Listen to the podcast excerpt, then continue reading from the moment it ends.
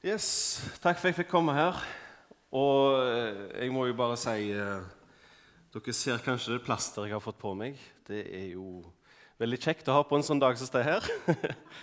Men det er, det er, jeg har ingen spennende historie å komme med dere. Det er ingen gal mann som har føket på meg. eller noe sånt. Men jeg har fått noe så tørt og kjedelig som en infeksjon. Og da måtte de plastre meg opp og si at dette måtte jeg ha ei uke.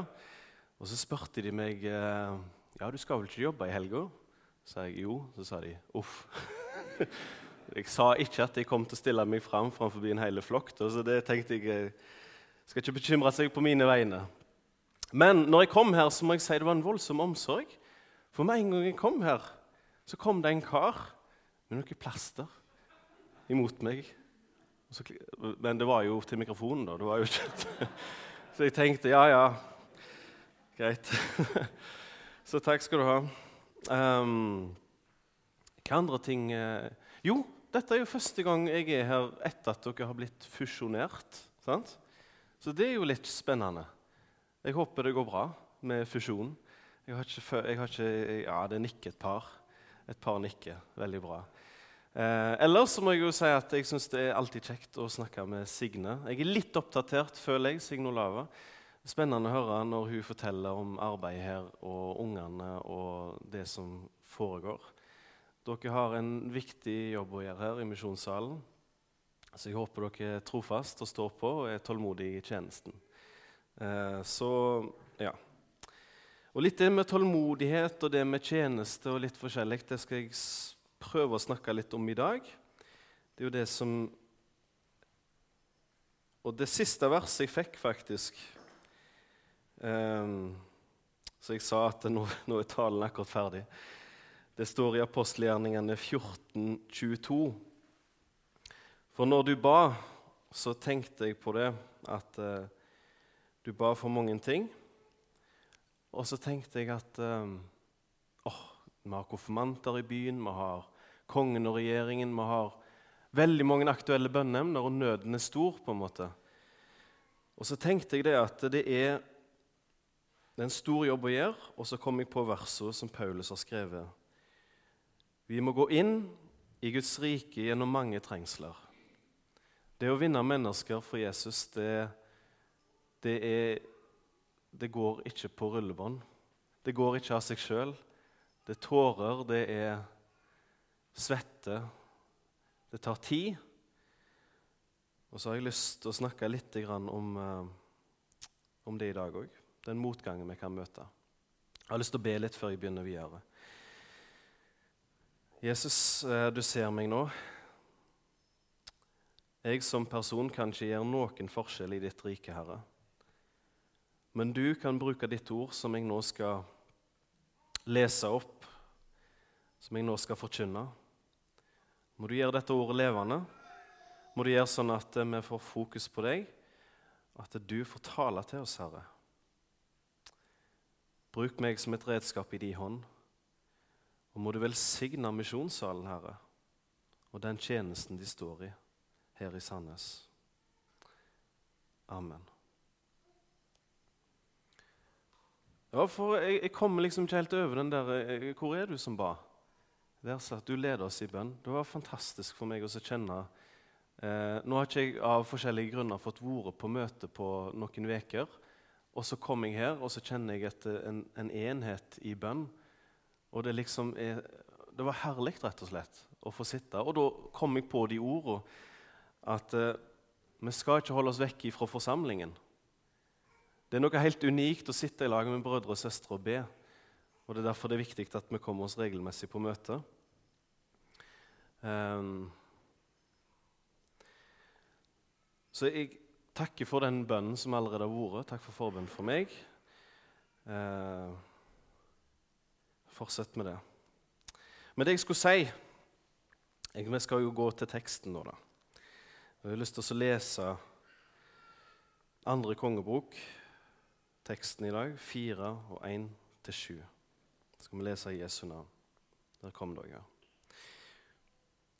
En kvinne som var hustru til en av profetdisiplene, ropte til Elisha og sa, 'Din tjener, min mann, er død, og du vet at din tjener frykter Herren.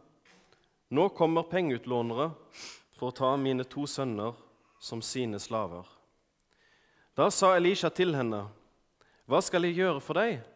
Si meg, hva har du i huset? Hun sa til tjenere, til, hun sa, Din tjenerinne har ikke annet enn en krukke med olje i huset. Da sa han, Gå og lån kar fra hele nabolaget og fra alle naboene dine. Tomme kar. Du må bare ikke samle for få.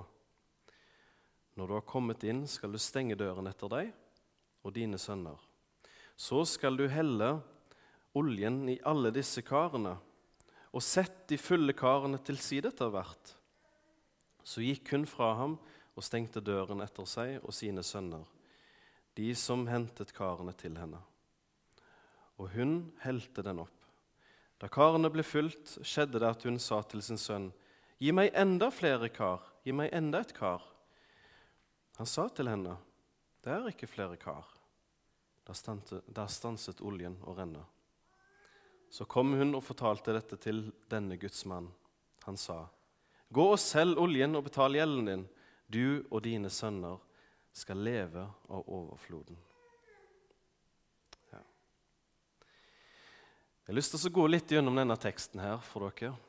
Eh, og faktisk så har jeg talt én gang før over denne teksten her for eh, jeg tror det er åtte år siden. Så det å børste støv igjen av noe jeg hadde for åtte år siden, var litt, eh, var litt kjekt. Eh, det har skjedd noe siden sist, ser jeg, når jeg sammenligner litt hvordan jeg har tenkt på teksten nå. For jeg tror jeg har, jeg tror jeg har opplevd litt mer eh, smerte siden sist. For åtte år siden da var det eneste problemet mitt var at jeg ikke hadde kjæreste. Det var kanskje det var min store ulykke. Jeg, jeg, tenkte nei, nå er jeg, eh, pff, nå er jeg 23 år og har ikke kjæreste. Hvordan skal det gå med meg? Det var min store bekymring. Men åtte år seinere er det mange, mange andre ting som jeg har erfart i livet. Eh, jeg kanskje, skal ikke gå inn på alt mulig, men jeg ser, når jeg leste denne teksten, her, så var det første jeg merka meg nå Sist gang jeg leste teksten, så tenkte jeg dette her, da, da la jeg trykket på overflod. Å, vi skal få kraft. Å, vi skal få det vi trenger til tjeneste. Vi skal være effektive tjenere. Det var tonen i, i forrige gang, for åtte år siden. Nå legger jeg merke til denne nøden mer denne gangen. At eh, kona her til en avdød mann roper ut at her er det en profetdisippel av deg. Min mann er død. Og Jeg legger merke til denne sorgen. Og det gjorde jeg ikke sist gang. Jeg tror jeg hoppet rett på dette her med at det kar og dette underet liksom ensa ikke nøden. Jeg har lyst til å se litt på hva som egentlig skjedde her nå. For Jeg tror nok mange av oss kanskje stopper mer med under at, det, at olja ble fulgt opp i kar, og det skjedde noe. sant?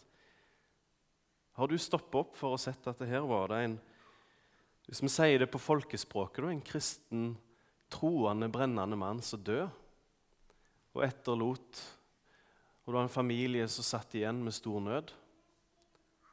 Har du tenkt på det? Jeg tenkte sånn. Jeg har sett litt og prøvd å finne ut hvem han der profetdisippelen var, men det står ikke noe om det i Bibelen. Men så har jeg eh, sjekka litt opp, og det nærmeste jeg kom med et navn, er at eh, en historieskriver, en jødisk historieskriver, Josefus, som var den første som eh, en, en sekulær kilde som har snakket om Jesus, skrev om Jesus, han har påstått ifra sin kilde at denne profeten som død, det var profeten Obadja som står om i Bibelen. Et kapittel eller ei bok er det om han. Og Hvis dette er tilfellet, så kan det faktisk være at eh, han som død ikke engang var lunken. Han var en brennende. Denne Obadja, hvis det var han, så var det en mann som måtte overbringe refs til edomittene, som var på en måte brødrene til jødefolket. For jødene var blitt bortført til Babylon. Og så lo edomittene, naboene lenger i sør. Ha-ha, hva har skjedd med Se hvordan det går med dere. Og nå er tempelet brent ned. og Vi sitter her på vårt fjell og koser oss, og dere kan ha det så godt. Og Obadja måtte overbringe en refs ifra Gud til deg, og samtidig gi et håp om at jødene skal få lov å komme tilbake igjen. Så det var ikke en lunken profet, hvis det er han det er snakk om. Men uansett så ser jeg det, at profeten som død, han var en disippel av Elisha. Og når eh, hun kona ropte på Elisha og sa at 'din profetdisippel, min mann, er død', så kom han og hjalp og anerkjente familien. Hadde dette her vært en slabbedask som på en måte hadde sjøl vært skyld i denne, på en måte, hvis vi kaller det for en straff, så det er ikke sikkert at Elisha hadde hjulpet ham på den måten der. Da tror jeg det hadde vært en straffedom som kanskje hadde ligget over pga. et eller annet som han hadde gjort. Men Elisha anerkjente familien. Jeg legger merke til det. Så Derfor så tror jeg at denne profeten her hadde rent mel i posen. Jeg tror ikke at vi kan spore noe spesiell straff til dette tilfellet å gjøre. Og Det betyr for oss som sitter her nå Vonde ting skjer i vår liv uten at det har noe som helst sammenheng. Det går an å si det på den måten der. Så klart så kan det være mer komplisert enn det. Men vonde ting skjer altså uten noe sammenheng. Og jeg og du har sikkert en tendens til å spørre hvorfor skjedde dette nettopp meg? Hvis du får en sykdom, hvorfor er jeg syk og alle andre er friske? Jeg har jo familie, jeg har en viktig jobb. Alt det passer ikke. Hvorfor meg? Men de som ikke bryr seg om familie, de som ikke bryr seg om jobb, de som ikke bryr seg om noen ting, det ser ut til at de som regel har det så fint. Og så kan vi sammenligne med hverandre. Når vonde ting skjer med meg, så prøver jeg å slå min tanke til ro med at denne jord hadde ikke tistler på bakken før etter syndefallet. Har du tenkt på det? Vi skal lese om det i Første Mosebok, kapittel 3, og vers, eh, noen vers der, i vers 17 eh, og 18. Til Adam sa han, fordi du fulgte din hustrus røst og åt av treet som jeg ga deg, et bud om og sa:" Du skal ikke ete av det, så skal jorden være forbannet for din skyld. Med smerte skal du ete av den alle ditt livs dager. Torner og tisler skal den frambære for deg, og du skal ete av markens vekster. Jeg tråkker på en tistel ganske ofte, sånn eh, bildelig talt. Jeg opplever jo på en måte daglig at eh, jeg blir sliten og trøtt og lei kanskje på slutten av dagen. Og, eh, av og til så opplever jeg sykdom, av og til så ser dere det som er på nesa mi. Det er jo på en måte en tistel jeg har trakka på. Det var ikke sånn det var meint at vi skulle ha det her på jord. Men så kom syndefallet, og alt ble forandra. Og jeg tror av og til så tror jeg faktisk at vi har en større Vi har et større Hva skal jeg si? Vi tenker større om dette livet enn det egentlig vi kan forvente av og til. Vi tenker at vi skal bli nesten 120 år og bli gamle og mette av dager og oppleve at eh, alt går liksom så fint. Og jeg tror at En del av grunnen til at vi kan tenke at vi har høye forventninger, er at vi avstammer jo egentlig Vi er jo skapt i Guds bilde. En del av oss lengter etter fullkommenhet. En del av oss håper og lengter at vi skal leve sånn som egentlig var tenkt. Men den drømmen ble knust. Den ligger i ruin, og vi plukker opp litt her og litt der. Og mange av oss får lov å leve gode liv, og andre ikke. Jeg lurer jo på hva som skjedde når min brennende kristne mor døde for to år siden.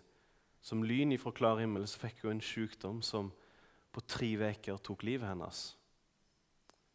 Liksom, hun gikk jo nesten hver uke og ba for mennesker og var en brennende kristen. Og død 59 år gammel. Hva sammenheng har dette her? Hun skulle jo oppleve barnebarn osv. osv. Jeg må bare tenke at hun tråkka på en tistel. Jeg må bare tenke på at eh, livet er ikke standard at vi lever til med 120 år uten problemer. Og så tenker jeg på Jesus. Når jeg har tenkt mye på hvorfor døde mor mi, så har jeg plutselig kommet på å tenke på Jesus. Mest sannsynlig så mista han sin far en plass mellom 12 år og 30 årsalderen. Jesus visste mest sannsynligvis mest sannsynlig hvordan det var å bare ha én foreldre på jorda. Og når Jesus så gravfølget til Lasarus, sin kjære disippel, så gråt Jesus. Og om vi, om vi syns død og sykdom er fælt, så syns Jesus det enda mer. Han som ble kalt for livets fyrste og opphavsmann. Han er selve livet. Han kan ikke fordra døden.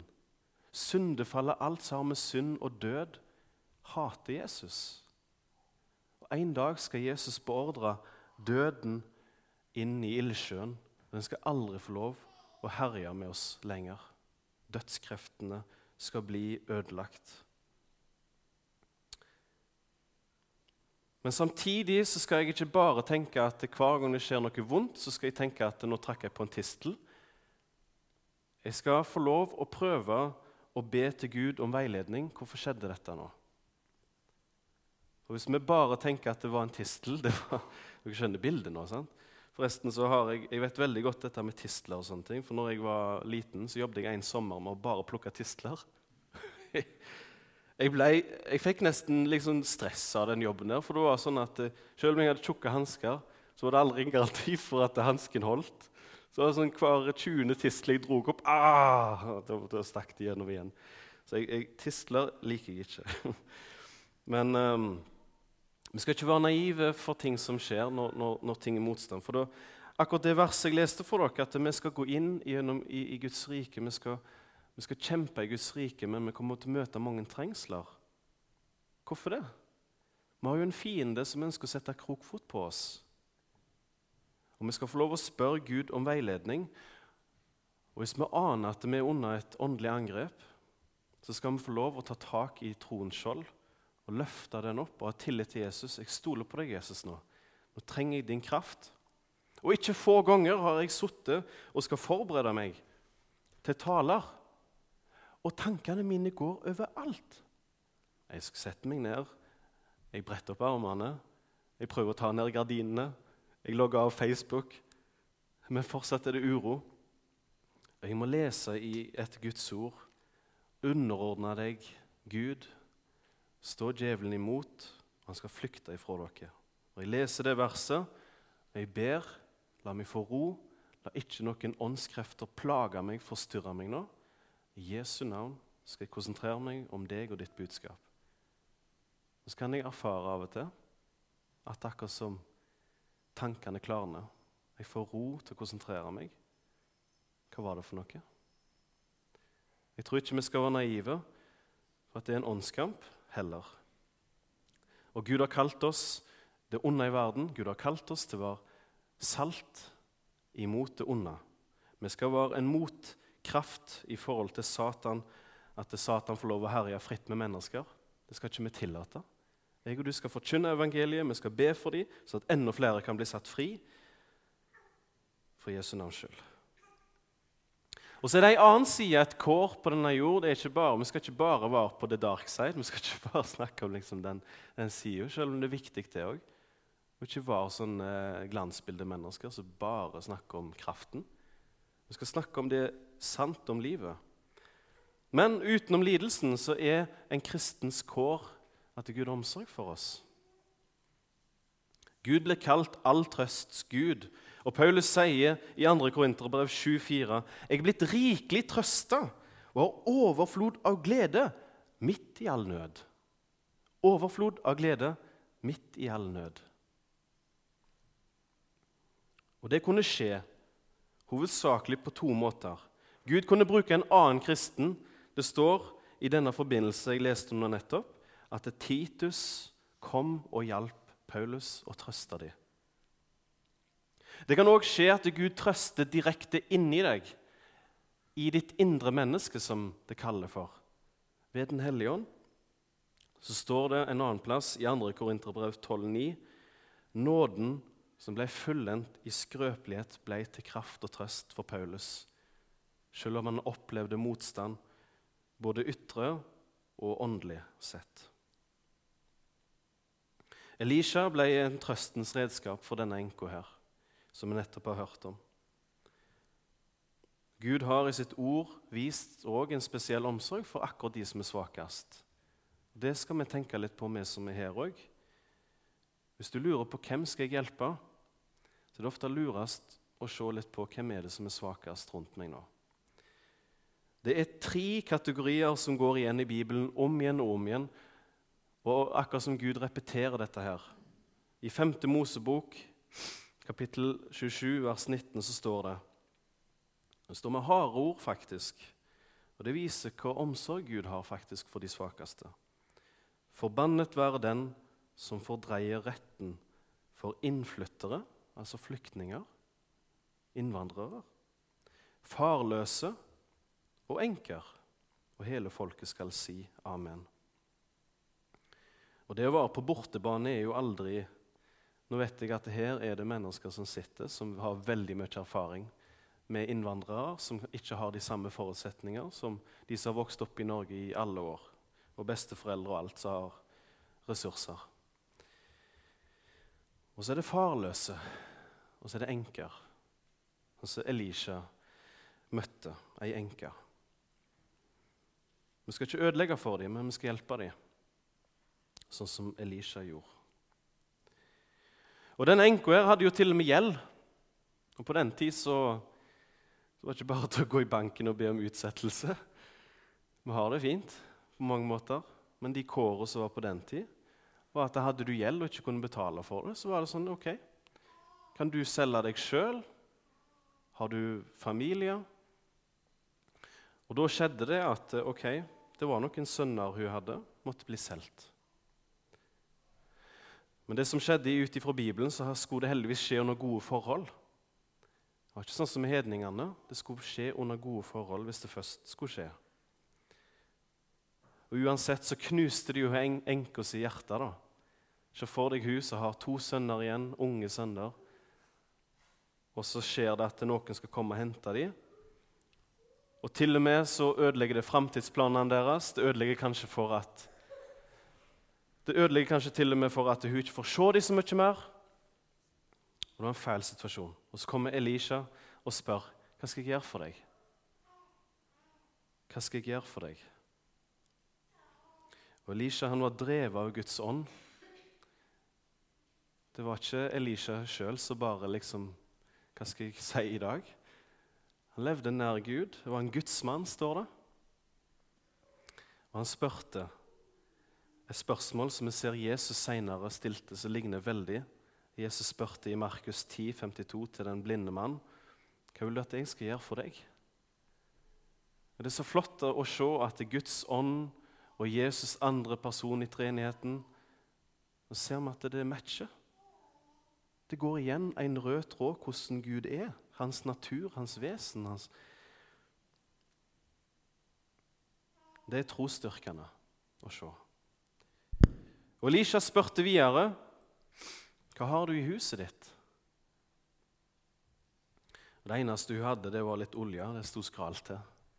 Ikke mye å, å, å få ut av det. Og så lurer jeg på, Hvis vi skal ta en parallell til meg og deg her, nå, her, her og nå Hun hadde lite å vise til. Hvordan tenker du om ditt kristenliv? Kjenner du av og til at du har ikke så mye å fortelle om? Det står litt skralt til. Når var det sist jeg hadde et bønnesvar, eller når var det sist jeg virkelig følte at jeg fikk noe her? Eller? Jeg tror ganske mange av oss og meg kjenner på at det står litt skralt til av og til. Hva da? Da er det interessant å se hva er det Elisha sier videre her nå. Og jeg vil bare si det at Vi kan bli svake av mange ting. Jeg har nevnt sykdom allerede. Motgang i tjenesten. og Vi har sett om travelhet og stress. Så vi litt om film i tidligere. Og så kan vi faktisk bli svake sjølforskyldt òg. Vi stenger igjen krana til Gud med at vi ikke hører på han, ikke bruker tid med han.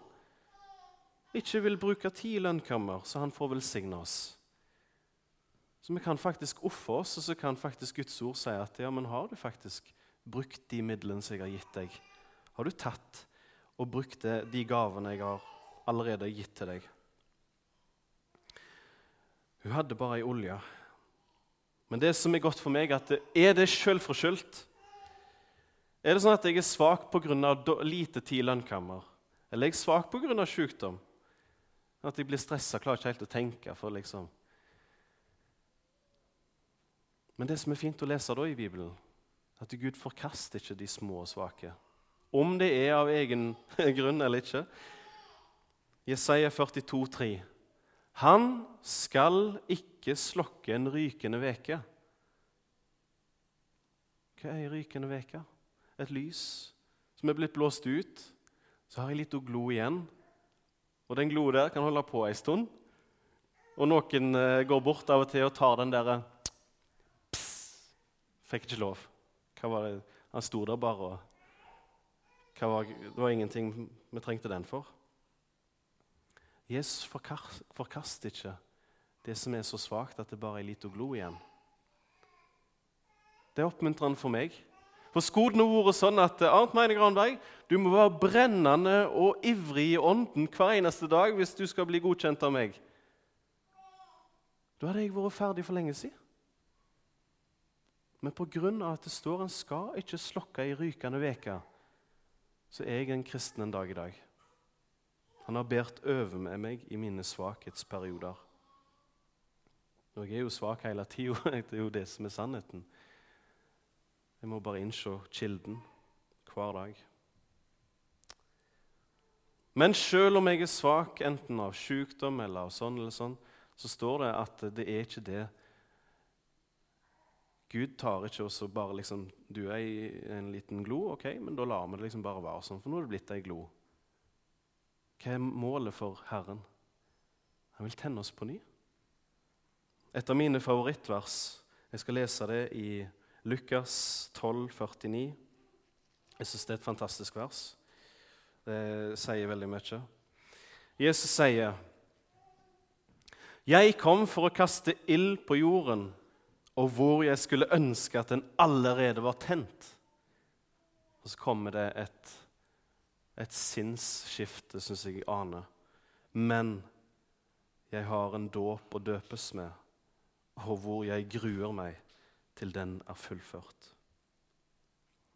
Hva ild er det Jesus skulle kaste på jorda? Skulle han gjøre sånn som Elia kunne gjøre, og kaste ild på de som kom og skulle ta han, og utrydde 50 om gangen? Var det den type ild som skulle bare utslette alle hedenske byer.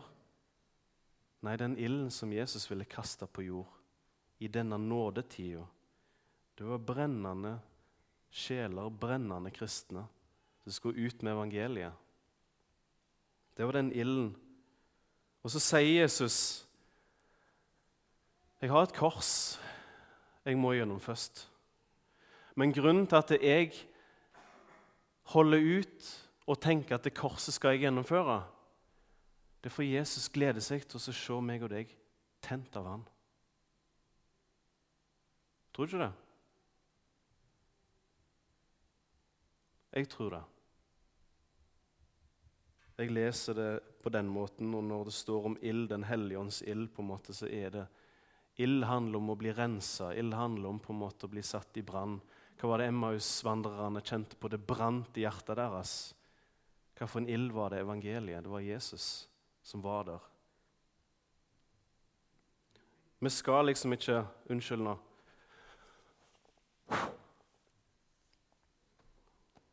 De som har pynteansvar, ble sikkert sure på meg nå, men uh, Vi skal ikke være sånn som det. Men Jesus har medlidenhet med et så å si utslagt lys. Nå er ikke jeg leiter eller noe sånt, men vi skal bli tent. Og nå kommer neste del av denne talen, her, siste del. Det handler om akkurat det der med å bli tent. For enka får beskjed om å sanke kar i hele nabolaget, en klar tale, ikke for få. Og For meg så står det som et bilde på at i nøden vår så kan det være at jeg og du må oppsøke andre. Jeg og du liker jo å ha problemer for oss sjøl. Liker å ha byrden for oss sjøl. Vi vil liksom holde fasaden. Og Det er forferdelig dumt hvordan det er blitt i Norge med, med media. For vi, alle fremstiller seg så perfekt, på en måte. Eh, og så på en måte er jo sannheten at det er mye bak den masken. Det er mye bak den fasaden som ikke kommer fram. Og så kvir vi oss for å på en måte avdekke oss sjøl, avsløre oss sjøl for andre.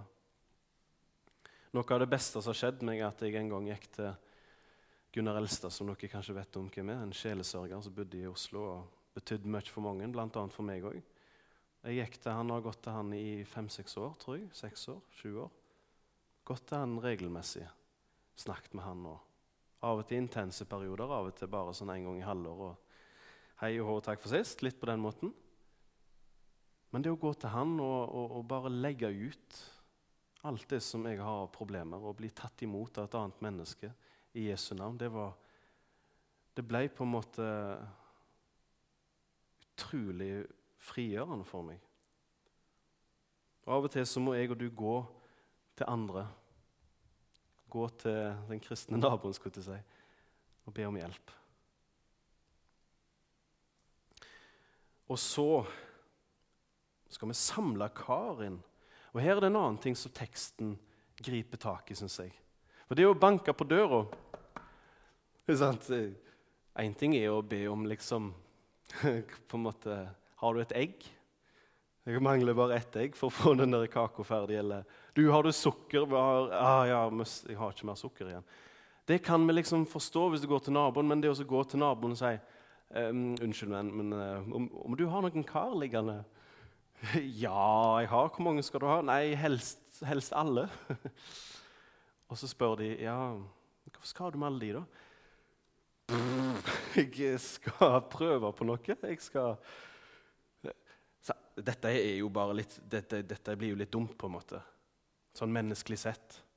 Har, du ser det at jeg har ei bitte lita krukke med olje, så jeg har tenkt å fylle den olja oppi alle de andre karene. Eh, men bare la meg få låne de, du, så, jeg, så kommer jeg tilbake igjen med de. Eh, det, det å gå til et menneske og spørre vil du be for meg er ikke det litt av de samme kreftene som kom i gang? Vi føler oss litt dumme, på en måte. Eh, den der fasaden vår og alt i sammen, den, den knekker litt. Og husker på en måte noe av det første Jeg husker første gang jeg skulle dele vitnesbyrdet mitt. Jeg syntes det var liksom så dumt å fortelle om sånne åndelige ting, og det skjedde, og Jesus det bare, Jeg ble rød i toppen når jeg skulle si det. Men jeg gjorde det. Jeg stamma flere ganger. på en måte. Vi satt en, en, kompis av meg jeg kjente veldig godt, og ei jente som jeg så vidt hadde hilst på første gang. Så to personer og jeg satt der og stamma og skulle fortelle om hvordan jeg ble en kristen. Det er noe med å gå inn i det åndelige, for det har vi liksom ikke helt kontroll på. Vi må liksom ydmyke oss litt. For det er Guds greie.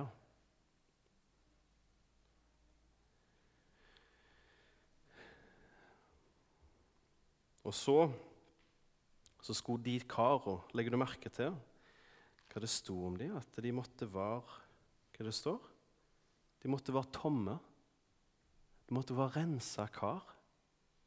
Det måtte ikke være noe grums i dem, for da kunne ikke det bli brukt. De måtte være rensa. Så lurer jeg på i ditt liv Ser du nå Forresten så helte de oppi olja, kar etter kar. Og så når det ikke var flere kar, så stoppa olja. Så lurer jeg på, Ser du at olja er et bilde på Den hellige ånd? Tenker du det? Ser du det? Og så er spørsmålet er ditt kar, er dine kar, tomme og reine? Har du fått rensa livet ditt? Hvordan du er hjemme, hvordan du er på jobben, hvordan det er med venner, hvordan det er når ingen ser deg? Har du tatt de områdene i ditt liv framfor Jesus? Sagt 'rens meg, tilgi meg'? er karet ditt rensa i lammets dyreblod. Og så vil Herren fylle den plassen som vi gir til Han. Men får Han slippe til, er alle kar satt fram, Unngår du noen kar i ditt liv? Den bitterheten imot han der og han der, det han har gjort mot meg, han skal få igjen en dag. Jeg skal sørge for at folk vet hvem han er. Den skal jeg sørge for. Har du latt bitterhet imot mennesker som har såra deg, fære vekk? Sagt det til Gud at 'jeg har noe imot han eller hun'? Må du tilgi meg? Må du ta det vekk? Jeg har full rett vet jeg, til å gjøre noe imot han, men jeg avstår ifra det. Jeg tilgir han. Nå går jeg liksom bare et eksempelvis inn i et område, et, et kar i vårt liv. For du ser, Jesus får ikke, Den hellige ånd får ikke fulgt oss der vi, der vi ikke slipper han til. Og omvendt så står det 'gi ikke djevelen rom'. Gi ikke djevelen rom i ditt liv. Og Det er sagt til kristne. Og det er litt alvorlig. Bli rensa i lammets dyre blod, for ifra tronen så ser Gud ned på deg. Og Gud har alle midler. Gud har all velsignelse for deg. Men det er i vårt eget hjerte, i vårt liv, at det kan være et hinder, noe uryddig, noe som ikke er blitt gjort opp og lagt ved nådens trone. Og Jesu blod renser ifra all synd, samme hvor håpløst det er. Det står i 1. Johannes brev, kapittel 1, vers 9. Så legg deg ned Der kom det verset, ja. Legg deg ned på Guds operasjonsbenk og la han ransake deg. Jeg har lyst til å lese 1. Tessalonikerbrev 5.23. Må Han selv, fredens Gud, hellige dere helt igjennom. Må deres ånd, sjel og legeme bevares fullkomne, ulastelige, ved vår Herre Jesu Kristi komme.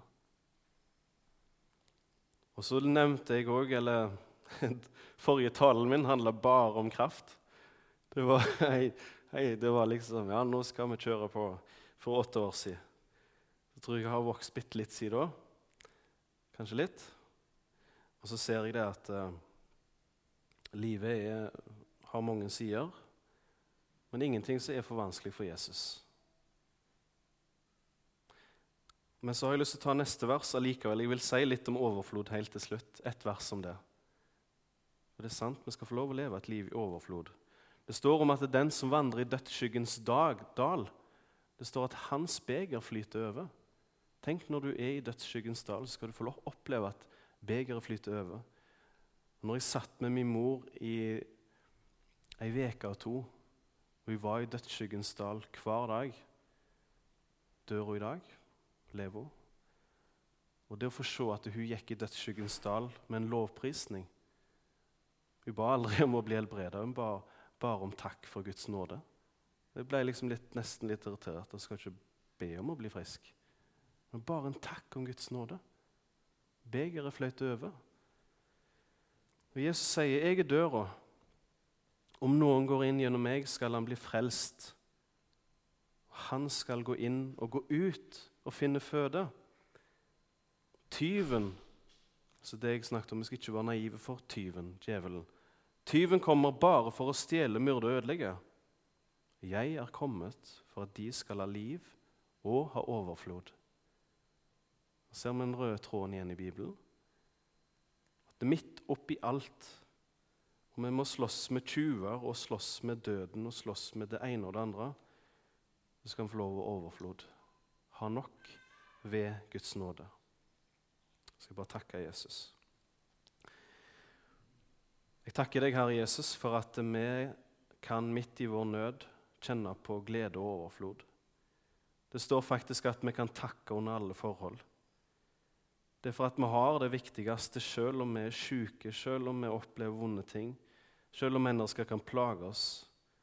Så sier ditt ord at vi kan takke for det. om. Jeg ber om at ditt ord må veilede oss og vise oss sannheten om dette livet her.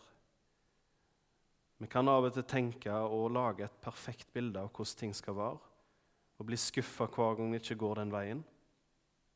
Men hjelp oss, Herre, å ikke bli bitre, men heller gå til deg og få visdom og nåde for hver dag. Og nå ser du at vi kan få lov med to tomme hender Vi har ikke våre kar her, Jesus, men vi har to tomme hender. Og du ser òg at vi kan bli rensa i hjertet av deg, og så vil Den hellige ånd fylle den plassen vi setter fram. Nå ser du at jeg vil sette meg framfor deg, Jesus, på ny. At du må fylle meg. Og jeg vet du hører hver bønn her inne som sukker om det samme. Forny meg, Jesus. Fyll meg, Jesus. Se i nåde på ny til meg, Jesus. Velsign denne dagen her for ditt navns skyld, og la ditt budskap følge oss videre utover dagen. Amen.